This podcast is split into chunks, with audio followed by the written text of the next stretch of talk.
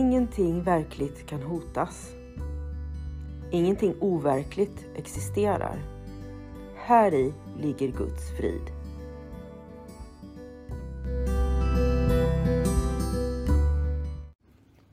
Mitt namn är Magdalena Wiklund och den här podden handlar om hur jag fann frid.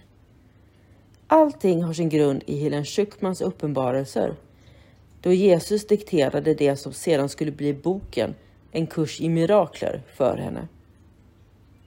Jag kommer att referera både till kursen och till Bibeln eftersom Helen fick så mycket förklarat för sig av Jesus om hur vi egentligen bör tolka Bibeln.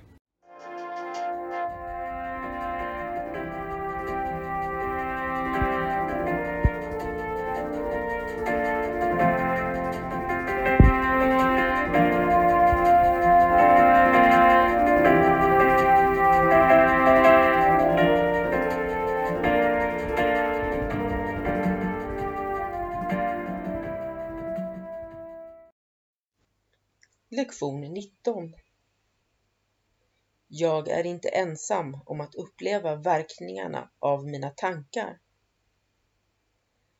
Tankegången idag är naturligtvis anledningen till att ditt seende inte påverkar endast dig. Du kommer att lägga märke till att de tankegångar som har med tänkandet att göra ibland föregår dem som har med varseblivningen att göra, medan andra gånger ordningsföljden är den omvända. Anledningen är att ordningsföljden inte har någon betydelse. Tänkandet och dess resultat sker faktiskt samtidigt. För orsak och verkan är aldrig åtskilda. Idag betonar vi återigen att sinnen är förenade. I början är detta sällan en särskilt välkommen tankegång eftersom den tycks föra med sig en enorm känsla av ansvar och kanske till och med betraktas som ett intrång i privatlivet. Ändå är det ett faktum att det inte finns några privata tankar. Trots det motstånd som du i början kan känna mot denna tankegång kommer du ändå till sist att förstå att den måste vara sann om frälsningen överhuvudtaget ska vara möjlig. Och frälsning måste vara möjlig eftersom den är Guds vilja. Den ungefärliga minut av att söka i ditt sinne som dagens övningar kräver ska företas med slutna ögon. Tankegången för dagen ska först upprepas och sedan bör du noggrant söka i ditt sinne för att se vilka tankar det innehåller just då. Medan du betraktar varje tanke, namnge den efter den viktigaste personen eller det viktigaste temat som den innehåller och håll den kvar i sinnet medan du gör det och säg Jag är inte ensam om att uppleva verkningarna av denna tanke om. Hmm, hmm, hmm. Nödvändigheten i att vara så neutral som möjligt när du väljer objekt för övningsstunderna borde vara ganska välbekant för dig vid det här laget och kommer inte längre att upprepas varje dag, även om det då och då kommer att inkluderas som en påminnelse. Glöm emellertid inte att ett slumpartat urval av objekt för alla övningsstunder är nödvändigt hela tiden. Avsaknad av rangordning i detta sammanhang kommer till sist att göra insikten om avsaknad av rangordning i mirakler meningsfull för dig. Förutom att tillämpa dagens tankegång vid behov behövs åtminstone tre övningsstunder vars längd kan förkortas om det är nödvändigt. Försök inte att göra mer än fyra.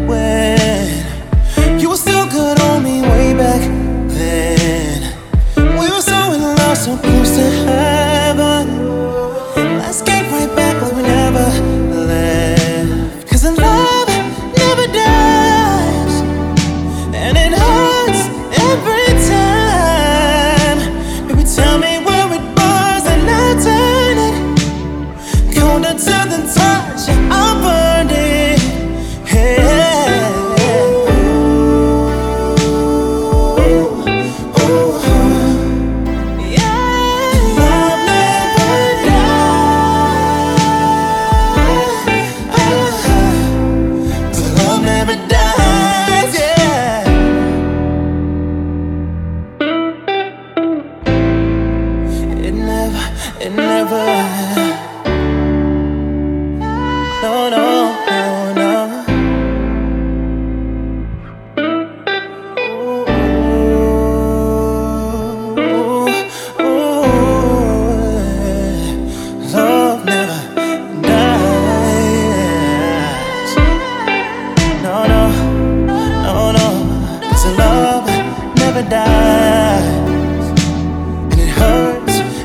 sun.